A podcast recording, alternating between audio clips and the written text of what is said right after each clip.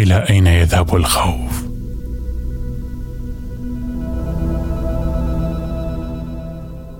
إلى أين يذهب الخوف؟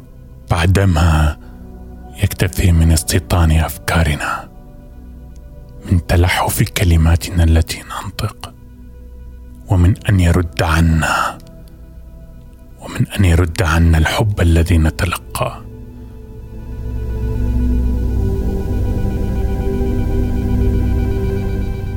إلى أين يذهب الخوف؟ وهل اكتفى ابدا من أن يجثم على عظامنا؟ أن يشقق استقرارا؟ كنا نتكئ عليه.